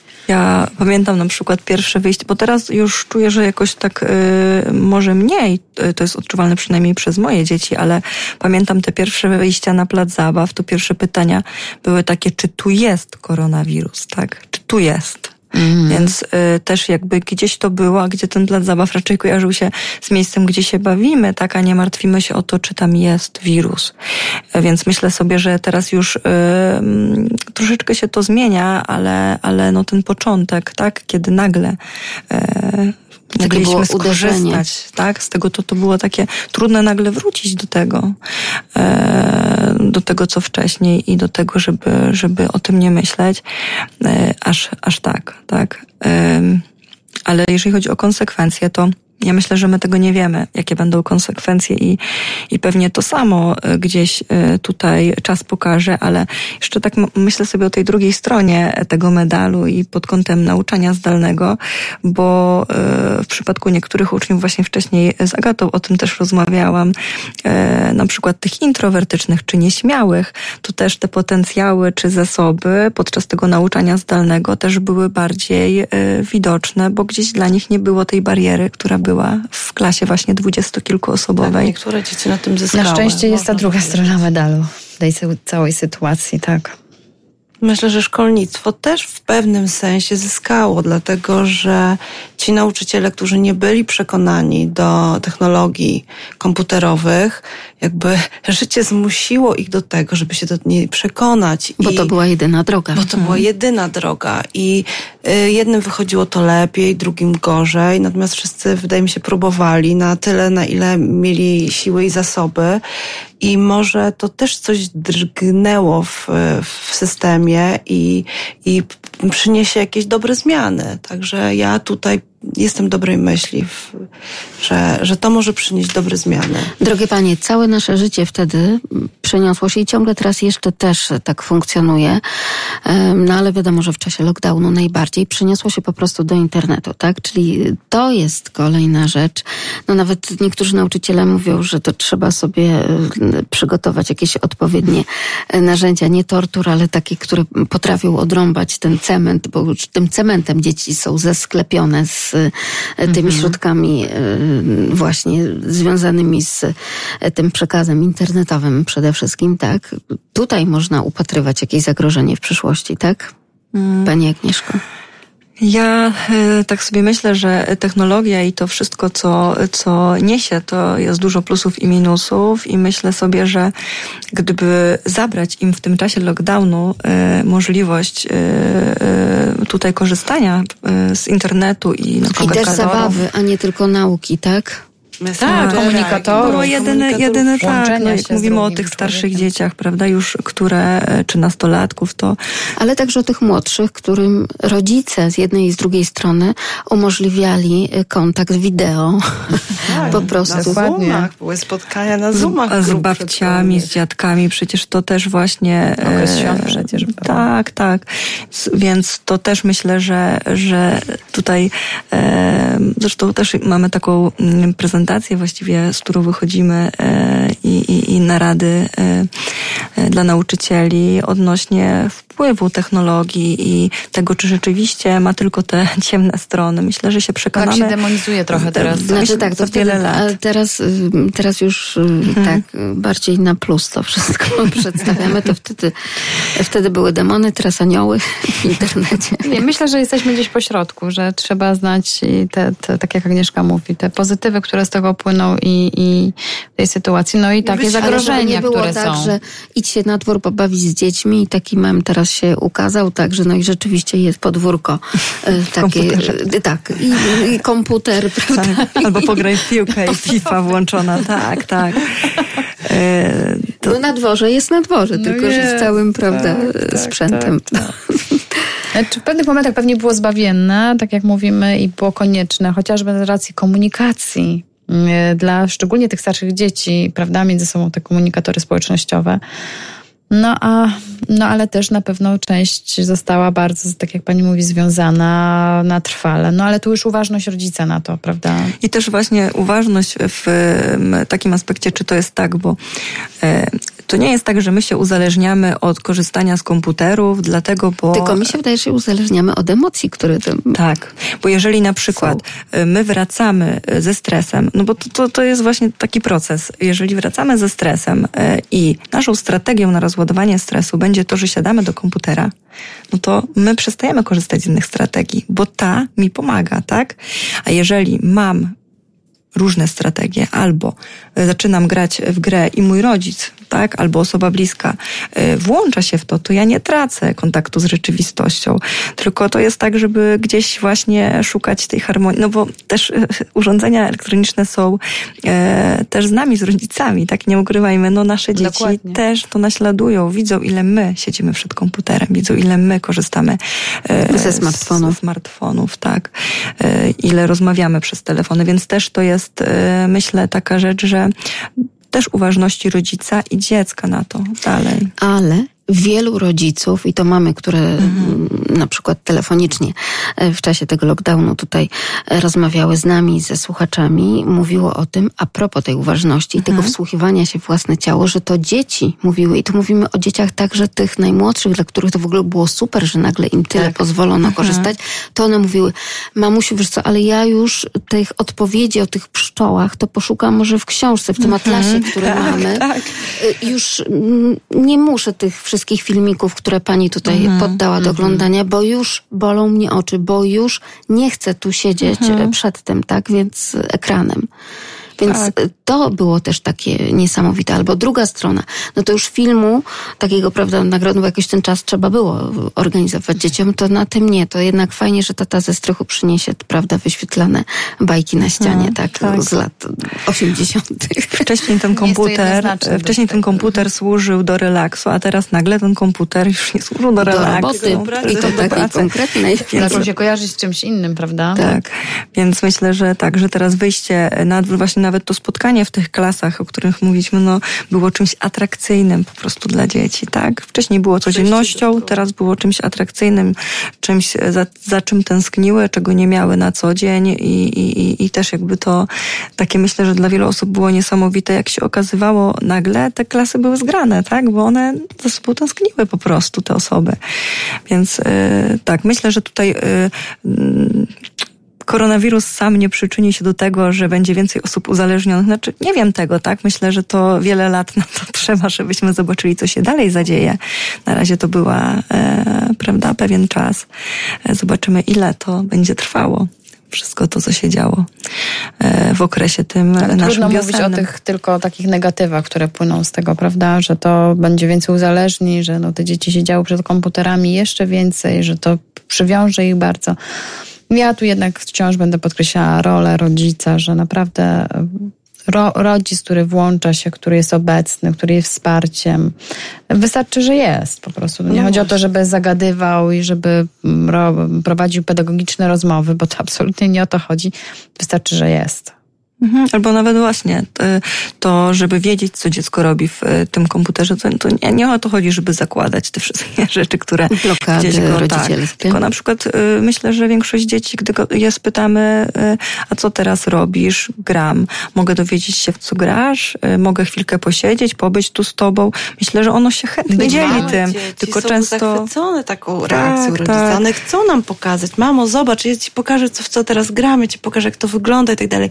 Tylko rodzic wtedy uważa, że okej, no skoro tak, to jest małe dziecko, to, to, To ja mam gra- czas. To ja mam Bo czas, co to znowu za później- bzdurne gierki? Tak, ale znowu, za później, tak, gierki? jak już dziecko będzie starsze, to ono już nawet może nie zechcieć nam pokazać, co ono robi.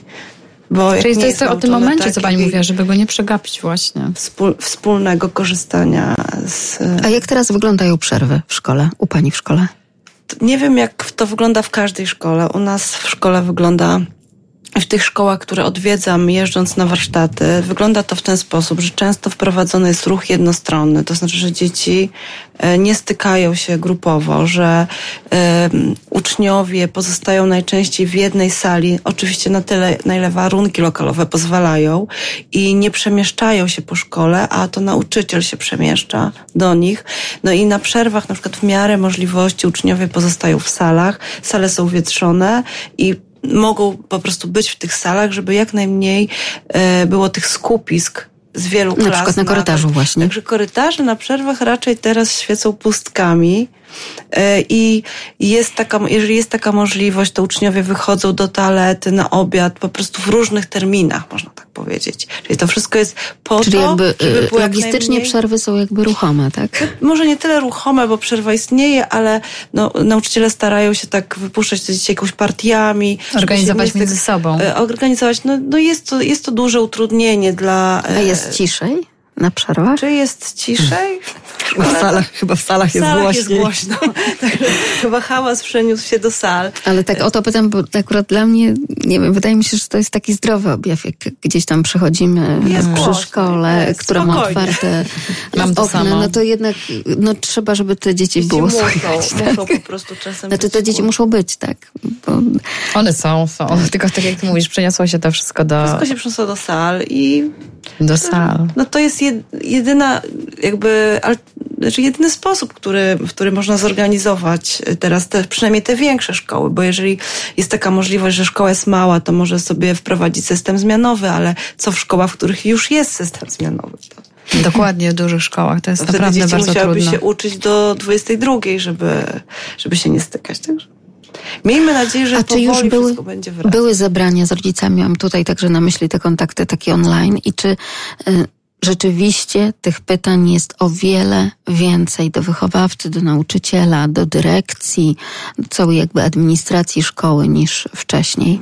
Były zebrania, w niektórych klasach są zebrania online, w niektórych jednak e, pozwolono e, spotkać się z rodzicami, e, z- oczywiście z zachowaniem reżimu, ponieważ jest dużo dokumentów do podpisania, jak, jak co roku zresztą we wrześniu. Czy jest więcej pytań? Myślę, że to wszystko zależy od, od wychowawcy, od klasy, od zespołu rodzicielskiego. Zawsze będą ludzie, którzy mają większą potrzebę dowiedzenia się, zadania więcej Szczegółów. szczegółów. Myślę, że psychicznie też już nastawialiśmy się na ten powrót i Rodzice tak już okrzepliśmy troszeczkę w tym. Także rodzice też już no, przygotowali się, że te dzieci wiedzieli, wiedziały, e, wiedzieli rodzice, że muszą już iść, że, że jest ogromna potrzeba, żeby wyszły i myślę też, że jakby sami tak psychicznie o siebie zadbali, że może już nie było takiej eskalacji tego strachu. A czy dzieci, zwłaszcza te starsze, buntują się e, przed noszeniem maseczek? Młodzież zawsze się będzie buntować, to jest wpisane. Ale mają taki obowiązek? Mają obowiązek noszenia maseczek na przerwach. Przyłbic. I w miejscach takich jak em, te przemieszane, tak, klasy, skupiska, no właśnie przerwy, korytarze. Mają taki Cóż, obowiązek no, no. i muszą się jakby do niego dostosować. Ale pewnie się buntują. Niektórzy dorośli się buntują, więc... Nie. E, Ostatnio to słyszymy, że coraz więcej dorosłych się Nawet buntuje. były medialne bunty tutaj już. Także tak to, no trudne jest to wszystko, prawda? Trudne. Inne, Trudne, nowe, inne, po inne. prostu nowe. Mhm. Nie lubimy tych zmian, nie lubimy tych nowości tak za bardzo. No tak, ale nowe, no, często też no, zmiany jednak no, nie niosły aż tak drastycznych Mhm. e, rzeczy, które bezpośrednio dotykają nas, naszego ciała, e, naszych relacji z drugim człowiekiem. Ja myślę, że to właśnie to, o czym tutaj e, wszystkim mówiliśmy, pozostaje nam zaprosić Państwa do tego, żeby Państwo zajrzeli chociażby na stronę internetową fundacjaemocja.pl. Tam wszystkie aktualności, także te, z jakich warsztatów można skorzystać, współpracując e, z paniami, z panią Anną Boreńską, Agnieszką Szewczyk czy Agatą Lamch, bo jest taka potrzeba w społeczeństwie, akurat właśnie Akurat taki teraz czas, szczególna. tak, że- Naprawdę. Zachęcamy bardzo. Wzmacniajmy siebie, wzmacniajmy nasze dzieci. Dajmy im narzędzia, dajmy sobie narzędzia. No jest to możliwe tylko przez edukację, więc naprawdę zachęcamy do naszych warsztatów, do, e, do tego, żeby możemy przyjść do szkoły, może są warsztaty popołudniowe, są Ja bym tu nie dla zapominała o tym, że także Państwo prowadzą właśnie te warsztaty również dla nauczycieli, bo to dla Rady nauczycieli, tak, pedagogiczne. Oczywiście, tak. Mamy tak. naprawdę szeroki tutaj wachlarz. bo to on staje i przed taką klasą i przed tym koronawirusem tak naprawdę. I czasem często bardzo potrzebuje wzmocnienia e, i, i jakby sam potrzebuje pomocy. No też to jest takie dla nas niesamowite, że teraz właściwie pierwsze rady, które gdzieś, e, o które pytają szkoły, to jest właśnie depresja i e, lęki wśród e, młodzieży. Znak czasów. Tak, więc też to, to taka, taka, Mamy taka teraz radę. potrzeba, tak, tak. Też często sięgają, teraz zauważyłam, mm, szkoły, przedszkola, jeśli chodzi o rady pedagogiczne, o mm, taki, e, taką radę mm, inteligencja emocjonalna jako profilaktyka zdrowia psychicznego, czyli żebyśmy siebie wzmacniali, to jak z tym samolotem, o którym mówiła Agata, żebyśmy najpierw siebie wsparli jako dorośli, dali sobie e, siłę, dali sobie wsparcie, pomogli sobie, mm, poznali pewne jakieś narzędzia, techniki i potem wyszli z tym dalej, bo im, jeśli my będziemy silniejsi, wtedy możemy pomóc i dzieciom e, tą budować tą stabilność emocjonalną. No ale jeżeli rodzic tak często jest nacechowany tylko i wyłącznie jakby dziecko, dziecko, dziecko, a jak Dlatego zachęcamy, zachęcamy do tego, żeby robić ten krok do siebie. Anna Boreńska, prezes fundacji. Przypomnę Państwu, Fundacja Emocja. Naprawdę warto, zwłaszcza w tych czasach, pochylić się nad własnymi emocjami, a także nad emocjami własnych dzieci. Agnieszka Szewczyk, psycholog, a także Agata Lamch, trenerka fundacji i nauczyciel, były naszymi gośćmi. Bardzo pięknie dziękuję Paniom e, za to spotkanie. Jeżeli jeszcze mają Państwo jakieś pytania do naszych gości, to oczywiście zachęcamy. Rodzice małparadio.lublin.pl Za dzisiejsze spotkanie dziękujemy. Zdrowia, Dziękujemy także bardzo. tego emocjonalnego sobie życzymy. Magdalena Lipiec-Jaremek, kłaniam się. Do usłyszenia, dobranoc.